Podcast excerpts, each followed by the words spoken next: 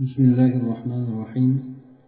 الحمد لله رب العالمين. الصلاة والسلام على أشرف الأنبياء والمرسلين نبينا محمد وعلى آله وصحبه أجمعين. أما بعد معاملات مالية كتاب دان أو مكتل كان درس حرام بيلر هكذا كان سفر في درس المزاد أنت بكنا دي أمدب حرام بيلرنا كلها üstürge taqsimlanishligi uch iborat ekanligi bu zulm hamda g'arar e, aldab e, sotishlik hamda uchinchi tur haqida gapirib o'tgandik endi undan keyin e, tafsilotlar borasida o'sha birinchi zulm undan keyin g'arar bo'lgan bay turlari haqida demak gap ketayotgan edi. Ana o'shalardan birisi hop ehtikor mana to'rtinchi turdagisi mana ehtikor haqida ehtikor degani buni tarifi هو أن يحبس سلعة عن الناس مع حاجتهم إليها ليزداد الطلب عليها ثم يبيعها بسعر مرتفع buni tarifi shuki odamlardan tovarni ularni hojati bo'lib turishligi bilan birgalikda. Yana ham talab ko'payishligi uchun tovarni tutib turadida keyin esa balandroq bo'lgan bahoda sotishligi. Mana shu narsani ehtikor deb aytiladi. Ya'ni odamlar muhtoj bo'lib turgan paytida bozordan tovarni tutib turadida yana ham puli qimmatroq bo'lishligi uchun ana undan keyin puli qimmat bo'lgan paytida odamlarga olib chiqib sotadi mana shu maqsadda demak tutib turishlikni ehtikor deb aytiladi. Buni hukmi olimlar umumiy suratda ehtikorni ya'ni tovarni tutib turishlikni harom ekanligiga umumiy suratda ittifoq qilishgan ya'ni tafsilotlari bor lekin umumiy suratda bu narsa mumkin emas deb aytishadi buni dalili esa حديث معمر بن عبد الله رضي الله عنه أن النبي صلى الله عليه وسلم قال لا يحتكر إلا خاطئ buni dalili esa muammir ibn abdulloh roziyallohu anhuni qilgan rivoyat qilgan hadislari payg'ambar sollallohu alayhi vasallam bunday aytgan ekanlar xatokor bo'lgan kimsagina ehtikor qiladi tovarni bozordan odamlarni hojati bo'lib turgan holatda tutib turadi deb aytgan ekanlar endi buni ehtikorni shartlari لا يكون الاحتكار محرما إلا بشرطين الأول أن يكون في وقت الغلاء أما حبس السلع في وقت الاتساع والرخص فلا يعد احتكارا والثاني أن يكون في السلع التي يحتاج إليها الناس ويتضررون بحبسها عنهم كأقوات الآدميين والبهائم والموقود ومواد البناء الأساسية ونحو ذلك. وأما ما لا يتضرر الناس بحبسه من السلع الكمالية فلا يحرم حبسه. ehtikorni shartlari ehtikor ikki shart bilangina harom bo'ladi demak ehtikorni haromligi ikki shartni o'z ichiga olsagina demak harom bo'lar ekan. Birinchisi bu baho qimmatlab ketgan qimmatchilik bo'lgan paytida bo'lar ekan. Birinchi qimmatchilik bo'lgan qimmatchilik vaqtida bo'lar ekan. Ammo endi kengchilik bemalolchilik paytlarida bozorda bemalol bo'lgan to'lib toshgan paytida tovarni saqlab turishlik olib saqlab olib qo'yishlik puli qimmatlaganda sotishlikka olib qo'yishlik bu narsa ehtiyor deb hisoblanmaydi. Ha demak birinchi sharti odamlar qimmatchilik bo'lib ketgan. O'sha o'sha tovarlarga nisbatan yoki umumiy suratda qimmatchilik bo'lib ketganda oziq ovqat tushunishgan narsalarni yo'qligi sababli ana o'shanday bo'lgan paytda bozorga olib chiqmasdan yana ham qimmatlashni kutib turishlik bu birinchi shart ekan. Ehtikorni harom bo'lishlik shartini birinchisi ekan. Endi bozorda to'lin to'kis bo'lib turgan paytida odam ba'zida masalan aytaylik kuzga yoki qishga sotishlik uchun olib qo'yadigan bo'lsa odamlarni ehtiyoji bo'lib turgan tovarlarni mana bu narsalar ehtiyot hisoblanmas ekan. Agar qimmatchilik paytiga kirib qolmaydigan bo'lsa. Ikkinchisi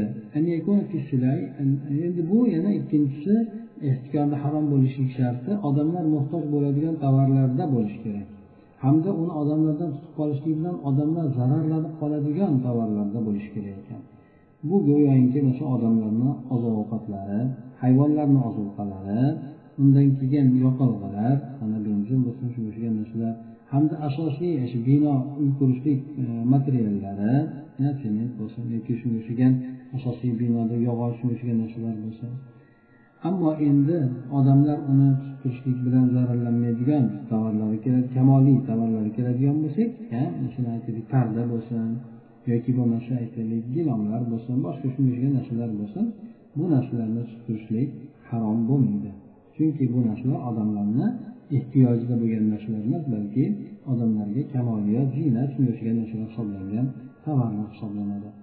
Demak yuqoridagi shartlarga binoan ehtikor harom bo'lishligi avvalo qimmatchilik paytida bo'lishi kerak ekan ammo qimmatchilik bir odam tovarni oldi hattoki odamlarni ozuqasi bo'lgan tovarni ham bozorda mo'lko'lida oldida uni endi qimmat bo'lib turgan paytida o'zi qimmatlab qolgan paytida ana o'sha payt kelgan paytda olib chiqib sotish kerak. Yana ham qimmatlab turishlik qimmatlab ketishligini yoki juda bir nodir holat kelib qolishligini kutib turishligi bu ehtikor hisoblanadi.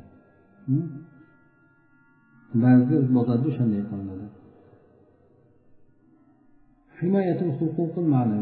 mana undan keyingisi hop yana shu ehtikorga aloqador bo'lgan hop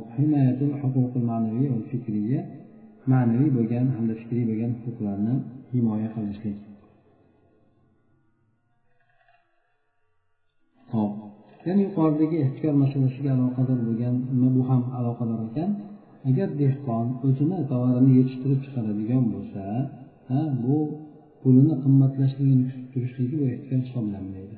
Dehqon o'zini tovarini olib chiqib nima qiladigan bo'lsa. Endi odam bir yerdan tijorat maqsadida bozorda turgan tovarni olib olib kirib ha o'sha qimmatli bo'lganda ham sotmay turishligi bu ehtiyoj hisoblanadi. Dehqon bo'lgandan keyin ha o'zi yetishtirgan tovari bo'lsa odamlarni ehtiyoji tug'ilgan paytida qimmatlagan paytida qimmatlashligini kutib turib bu sotadi bu o'rinda uniki ehtiyoj hisoblanmaydi lekin odamlar juda ham muhtoj bo'lib turgan iloji yo'q bo'lgan holatga kelib qolsayu u olib sotmaydigan bo'lsa u sotishlik uchun e, tayyorlab qo'ygan bo'lsa unda bu ehtiyot hisoblanadi. Hop endi ikkinchisi undan keyingisi himoyatul huquqil ma'naviy va fikriya ma'naviy hamda fikriy bo'lgan huquqlarni himoya qilishlik. Odamlar masalan bir narsalarni kashfiyot qilishadi. Hm? Yoki bo'lmasa bir narsalarni kasbga sohib bo'ladi. Shunday bo'lgan odamlar o'zlarini huquqlarini himoya qilishligi. جرت العادة في كثير من السلع المصنعة أن منتجيها يشترطون حماية حقهم في الابتكار فيمنعهم غيرهم من تقليدهم في طريقة التصنيع أو في العلاقة التجارية ويحتكرون إنتاج تلك السلع لأنفسهم ومثل ذلك أيضا في المواد العلمية والإعلامية كالكتب والأشرطة والبرامج الحاسوبية حيث يمنع أصحابها غيرهم من تقليدها أو نسخها. وهذه الحماية جائزة شرعا ويجب رعايتها ولا تعد من الاحتكار المحرم لأمور الأول لأن هذه الحقوق مملوكة لأصحابها وتقليدها أو نسخها يعد تعديا على حق مملوك للآخرين. ثانيا ولأن هذه الحقوق ليست من السلع الضرورية التي يتضرر الناس بحبسها أو بارتفاع ثمنها ثالثا ولأن من يشتري هذه الأشياء قد شرط عليه عدم بيعها أو نسخها فيجب عليه الوفاء بذلك الشرط. odatda ishlab chiqarilgan ko'pgina tovarlar tovarlarda uni ishlab chiqargan odamlar o'sha narsani o'zlari kashf etganligi sababli haqlarini himoya qilishlikni shart qilishadi. Ya'ni bular ishlab chiqargandan keyin o'sha narsani ular kashf qilishdi o'sha narsani ishlab chiqarishdi o'shandagi bo'lgan o'zlarini huquqlarini himoya qilishligini bular shart qilishadi. Bular o'zlaridan boshqalarni xuddi o'shanday tovarni ya'ni ishlab chiqarishlik uslubidagi bo'lgan tovarni yoki ayni tijoriy alomatdagi bo'lgan taqlid qilishlikni odam boshqalarni man qilishadi. Masalan bu ayni masalan birov kompyuter ishlab chiqargan bo'lsa ayni shunday suratda kompyuter ishlab chiqarishlikni man qiladi. Yoki bo'lmasa tijoriy alomatda masalan hp bo'lsa yoki bo'lmasa sony bo'lsa yo boshqa bo'lsa ana shu tijoriy alomat bilan boshqalarni tovar chiqarishligini man qilishadi. Bular ana o'sha tovarlarni o'zlari uchun ishlab chiqarishlikni o'zlari uchun monopoliya qilishib oladi. Hm? Ya'ni boshqalarga tarqalmaydigan faqat o'zlaridan olinadigan monopoliya qilishib oladi. Mana shunga o'xshagan narsa yana ilmiy hamda i'lomiy xabar bildiruv ehm, nima tovarlarda ham bo'ladi materiallarda ham bo'ladi. Masalan kitoblar bo'lsin. Hm? Kitobni yozgan odam bor. O'ziga yarasha yozgan odam chiqarib turib sotib o'sha yozgan ishlarini xarajatlarini o'shandan chiqarib oladi. Yoki kasetalar bor avvalda bo'lib o'tgan edi yo bo'lmasa kompyuter programmalari bor. Bularni ashoblari egalari boshqalarni unga taqlid qilishlik yoki undan nusxa ko'chirib sotishlik bu narsalarni man qilishadi deydi. Mana bu himoyani mana bunday qilib o'zlarini himoya qilib olishlik huquqlarini shu ishlab chiqarishlik yoki fikriy ma'naviy bo'lgan huquqlarni himoya qilib olishlikni shar'an joizligi bordir. Albatta shunday bo'lgandan keyin unga rioya qilishlik vojib bo'ladi. Bu esa e, harom qilingan ehtikor ya'ni monopoliya bobidan sanalmaydi endi ya'ni e, harom qilingan narsalarni e, zarurat tug'ilgan paytda ham sotmay turishlik bobidan sanalmaydi endi buni sababi avvalo mana bu huquqlar odamlar bir mana kashf qilib o'zi yozdi programma ishlab chiqardi. Yoki bo'lmasa bir zavodni o'zini sohibi. Xullas kalom mana bu huquqlar o'sha egalariga egalarni mulki hisoblanadi. Uni taqlid qilishlik ularni ruxsatsiz litsenziyasiz taqlid qilishlik yoki undan nusxa turib olishlik bu o'sha boshqalarni mulki bo'lgan huquqlariga tajovuz qilishlik sanaladi deydi. Ikkinchidan bu huquqlar zaruriy bo'lgan odamlarni zaruriy ehtiyojlaridan sanalgan tovarlardan emasdir. Odamlar uni turishlik bilan yoki bahosini pullarini ortiq darajada ko'tarilib ketishlik bilan zarar qoladigan zaruriy tovarlardan sanalmaydi shuning uchun bu narsalarni bunday himoya qilishlik joizdir uchinchidan esa bu narsalarni sotib oladigan odamlarga ko'pincha uni sotmaslik yoki bo'lmasa undan nusxa ko'tarib olmaslik shunaqa narsa shart qilinadi bu narsa bu shartga esa vafo qilishligi lozim bo'ladi. Bu yuqoridagi demak e, ehtiyorni ikki xil ko'rinishi birisi tovarlarga aloqador ikkinchisi esa ma'naviy bo'lgan fikriy bo'lgan huquqlar edi. E, bir tovarlarga aloqador bo'lganini aytganda agar odamlarni ehtiyoji qattiq turgan bo'lsa bozorda shu narsaga talab ko'p turgan bo'lsa uyda ushlab turishlik bu narsa joiz emas dedik. Bu ehtiyordan hisoblanib qoladi. Bu narsa esa harom bo'ladi. E, bu narsani ikki shartini ham aytib o'tildi. Birinchisi odamlar qimmatli bo'lib turgan paytda ham ushlab turishligi. Ikkinchisi esa o'sha odamlarni zaruriy bo'lgan ehtiyoji qattiq tushadigan tovarlarda bo'lishligini aytildi ikkinchi undan keyingi bo'limda esa fikriy hamda ma'naviy bo'lgan huquqlarni himoya qilishlik odam bir kitob yozdi yoki bir kashfiyot qildi bu narsalarni o'zini huquqini himoya qilib olishligi shar'an joizdir agar shunday qiladigan bo'lsa albatta uni vafo qilishlik kerak bo'ladi deb aytildi beshinchidan bu to'rtinchidan edi beshinchidan esa hop gunoh ishlarga yordam berishlik bo'lgan savdo يحرم بيع السلعة المباحة إذا علم إذا علم البائع إذا علم البائع أن المشتري يستعين بها على معصية مثل بيع العنب لمن يعلم أنه يصنع منه خمرا لمن يعلم أنه يصنع منه خمرا وبيع السلاح لمن يعلم لمن يعلم بشيء حمولة أنه يقتل به معصوما ونحو ذلك. ويلحق بالبيع والإجارة مثل إجارة المحل لمن يبيع السلع المحرمة كالأشرطة الغنائية أو لمن يقدم خدمات محرمة كالبنوك الربوية ونحو ذلك. ودليل التحريم قول الله تعالى وتعاونوا على البر والتقوى ولا تعاونوا على الإثم والعدوان ولا شك أن في هذه البيوع ظلما للمشتري بإعانته على المعصية والواجب على المسلم النصح النصح لأخيه المسلم وكفه عن المعصية.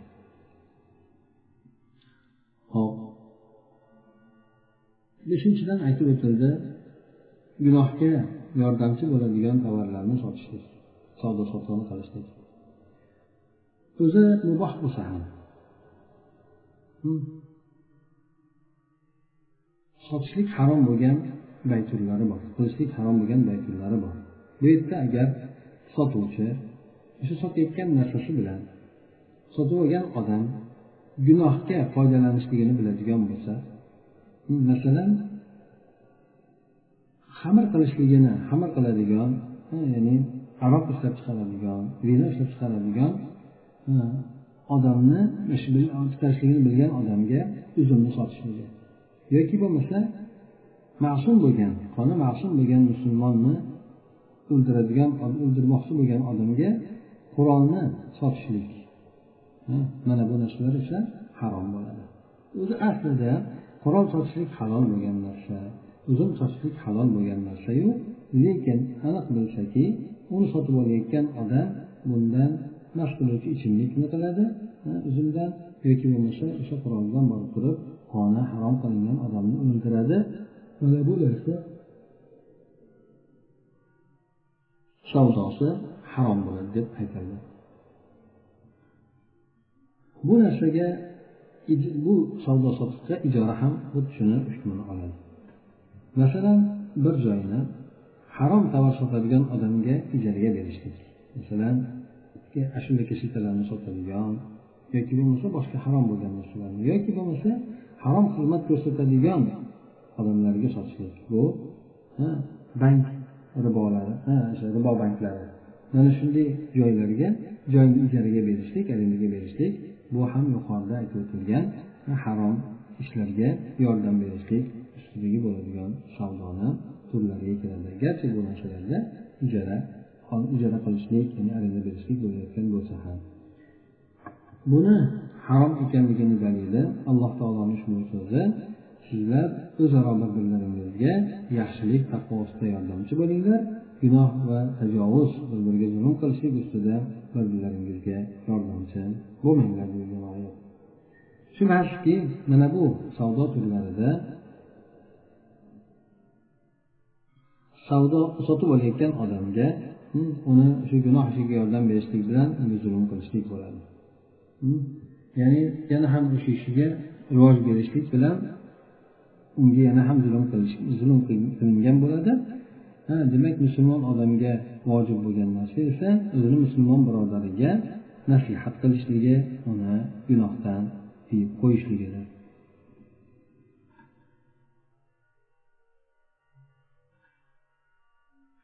lekin ba'zi mazhablar bu narsada farq qiladi.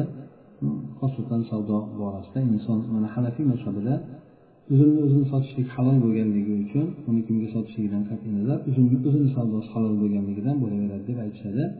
Lekin bu yerda mana keltirib o'tilyapti gunoh ustida sherik bo'lib qolingandek bo'lib qolinadi shuning uchun uni uzumni aniq bilsaki odam undan mashg'ulligi qiluvchi ichimlikni ishlab chiqaradi. Bu odamni sotishlik mumkin emasdir uzumga o'xshagan boshqa olimlar boshqa moddalar ham shuni hukmini oladi.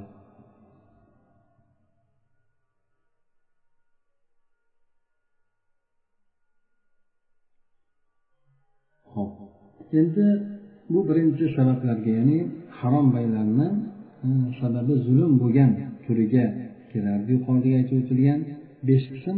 Ana undan keyin esa mana ikkinchi sabab ya'ni harom kasbni sabablaridan ikkinchi sabab bu g'arar ya'ni aldovdir endi buni tarifi الغرر في اللغة اسم مصدر من التغرير وهو الخطر والخدعة وتعريض المرء نفسه أو ماله للهلكة وفي الشرع البيع المجهول العاقبة فالغرر مبناه على الجهالة وهذه الجهالة إما أن تكون في المبيع أو في الثمن. فالجهالة في المبيع قد تكون بعد بعدم العلم بالمبيع نفسه. كان يقول بعتك ما في هذا الصندوق بمئة ريال وهو لا يعلم ما بداخله. أو بعدم العلم بصفاته كان يبيعه سيارة بعشرة آلاف ريال والمشتري لم يراها ولا يعرف صفتها صفاتها. أو بعدم العلم بمقداره كان يقول بعتك بعض هذا الأرض هذه الأرض بألف ريال. أو بعدم تملك الباهي له كان يبيعه بيتا وهو لا يملكها. أو بعدم قدرة الباهي على تسليمه كان يبيعه ساعته المفقودة.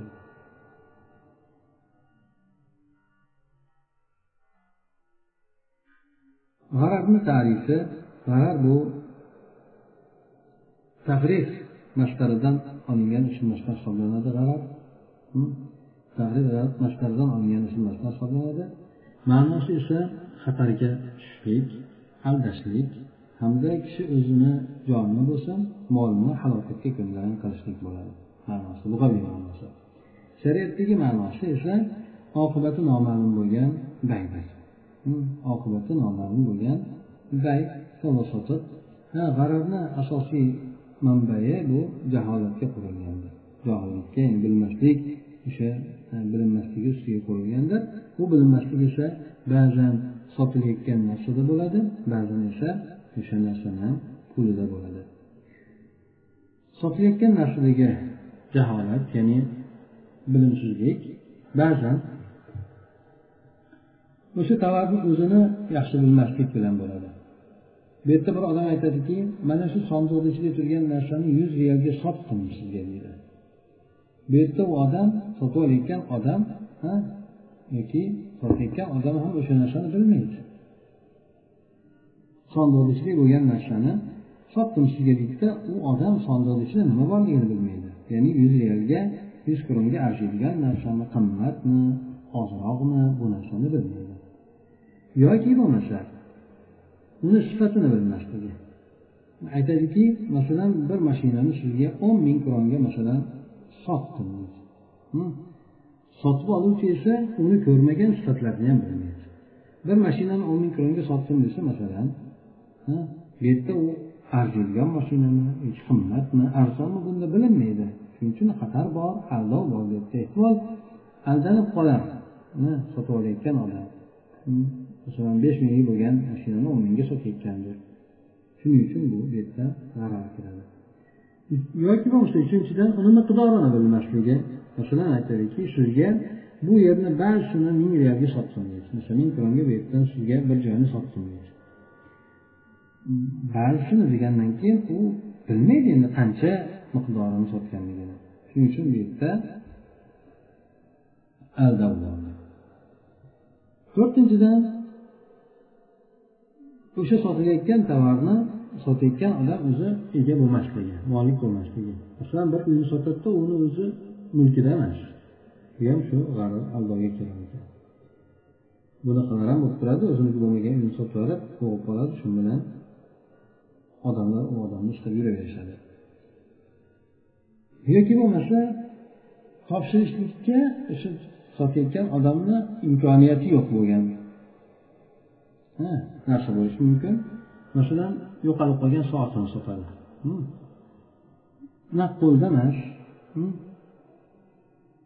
o'zini mulki lekin o'zini qo'lida emas shu narsani sotishligi mumkin emas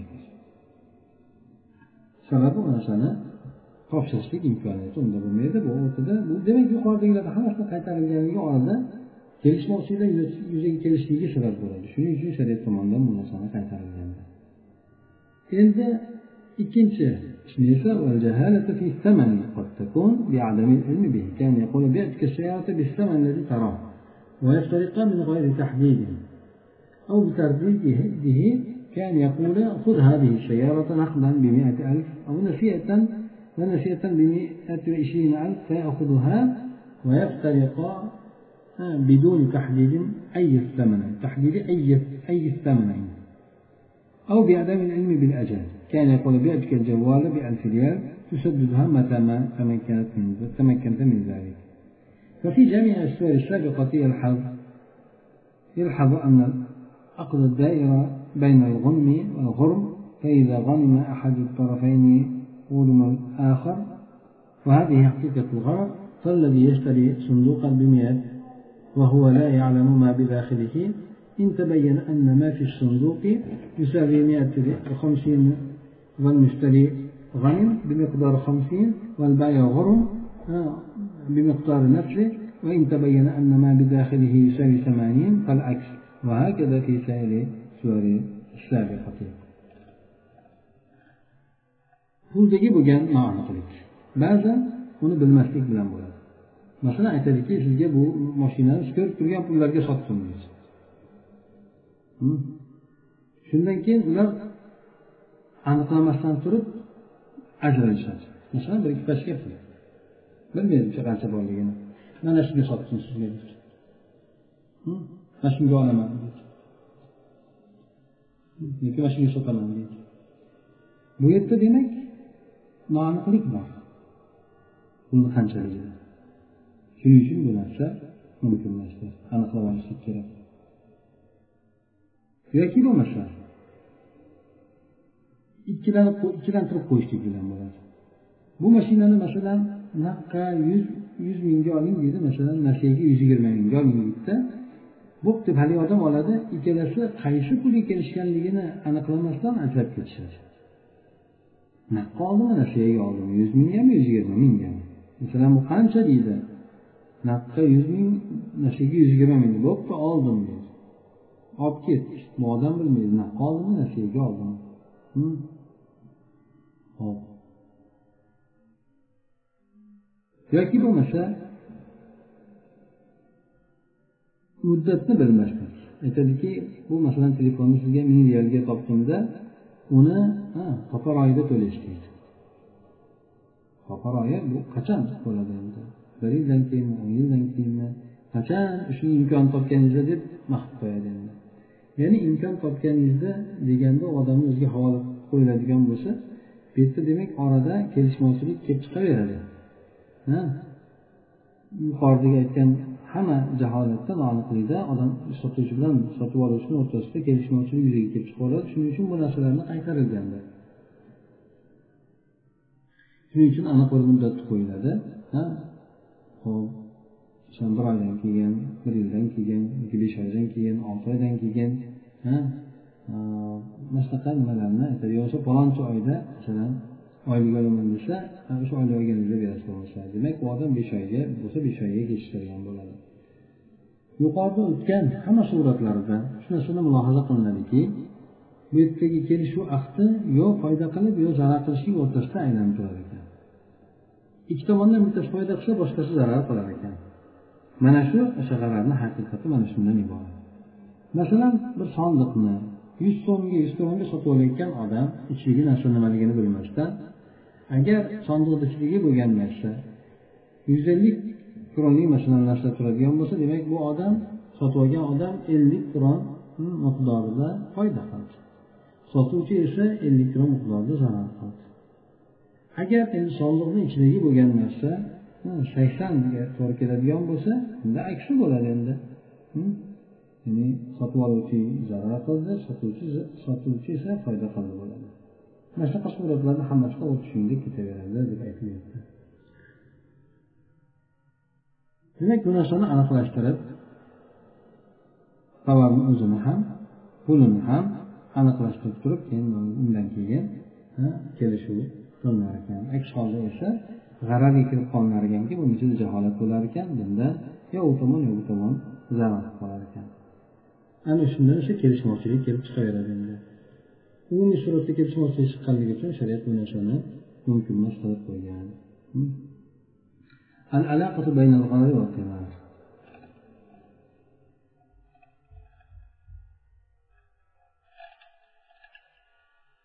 hop endi g'arar bilan aldo bilan qimorni o'rtasidagi aloqa القمار كالغرر عقد مبناه على الجهالة متردد بين الغم والغرم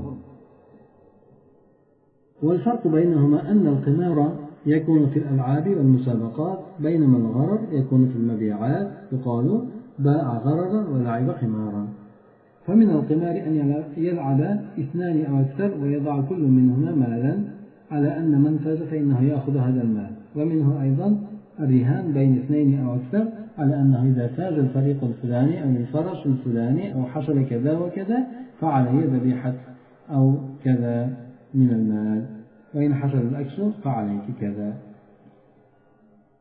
خب غرض لك ما نور تشتيج على خيمك خمار هو غط غرض يوش بيتا ديجان ها؟ خب ما أنا قلي أسيو قرجان كلشو كلشين جاي بتون بس بيت بوها فايدة بنا زرار نور تشتيج كلا نتراس ها؟ برو فايدة شو بزرار قرانا وني كلاش نور تشتيجان ها غرض لك ما نور تشتيج خالص شو كي؟ Qimor o'yinlarda musobaqalarda bo'ladi. G'arab esa sotiladigan narsalarda bo'ladi. Shuning uchun aytiladiki aldanib sotdi aldab sotdi deyiladi yoki bo'lmasa qimor o'ynadi deb aytiladi. Qimorni turidandir ikkita odam yoki ko'proq odam o'ynaydida ana undan keyin ularni har biri mol tikadi. Kim yutsa o'sha molni oladi.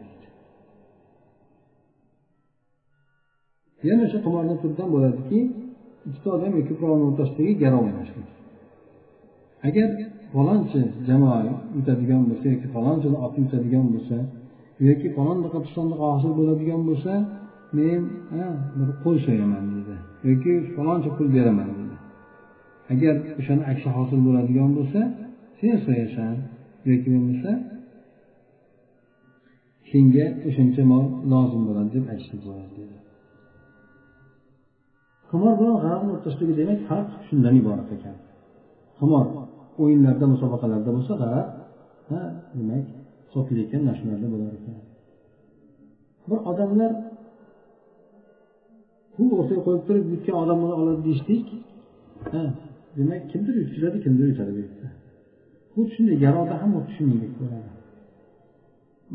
Kimdir yutadi kimdir yutkazadi shuning uchun bu narsalar qaytarilganda endi g'arab bilan maishiy o'rtasidagi bo'lgan farq الغرض أحد نوعي الميسر لأن الميسر نوعان. القمار المحرم أي الذي فيه مال وهو بمعنى الغرض كما تقدم.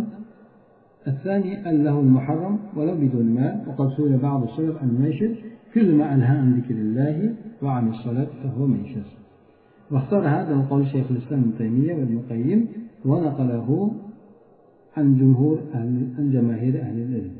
وذكر أن العلة في تحريم الميسر ليس لأجل ما فيه من المخاطرة وإنما لكونه يوقع العداوة والبغضاء ويصد عن ذكر الله وعن الصلاة وأكل المال فيه عون وذريعة إلى الإقبال عليه.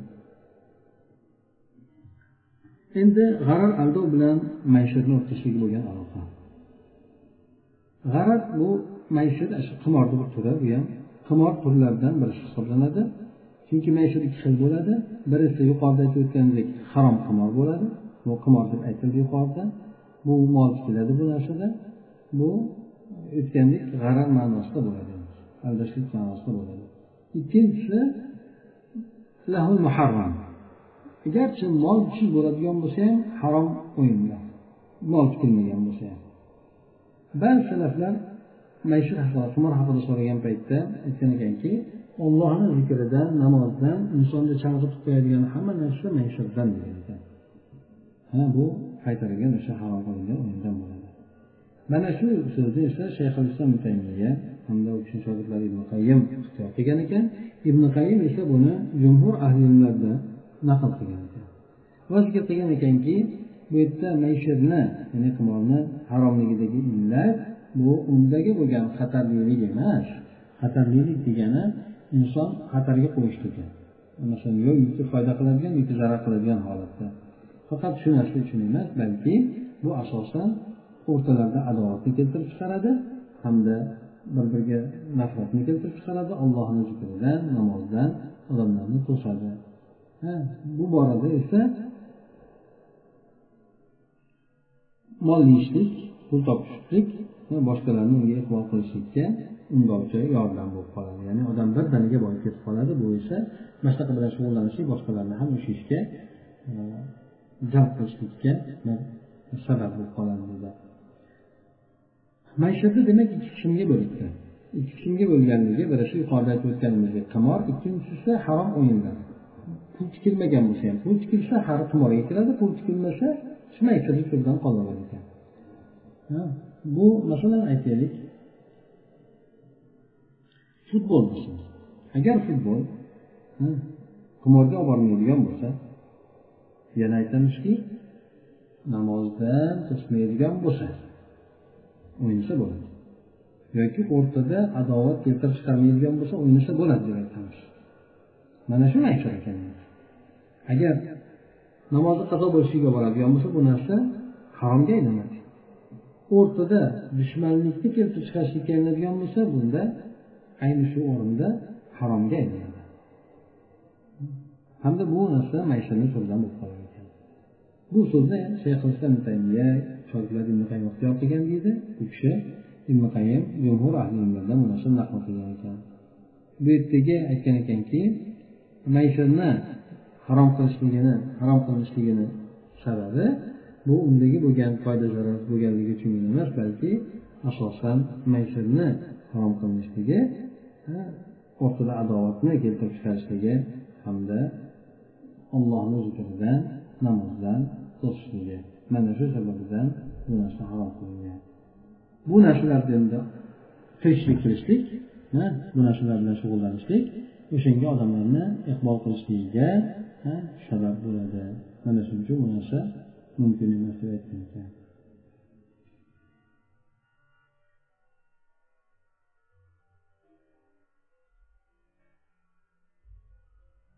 hop shu yergacha bugungi darsimiz bo'lar demak yuqoridagi mavzuda ixtiyor haqida gapirib o'tildi. Undan keyin inson o'zini fikriy bo'lgan ma'naviy bo'lgan huquqlarini himoya qilishlik borasida gapirib o'tildi. Undan keyin esa g'arab haqida gapirib o'tildiki hop bu g'arabni e, ya'ni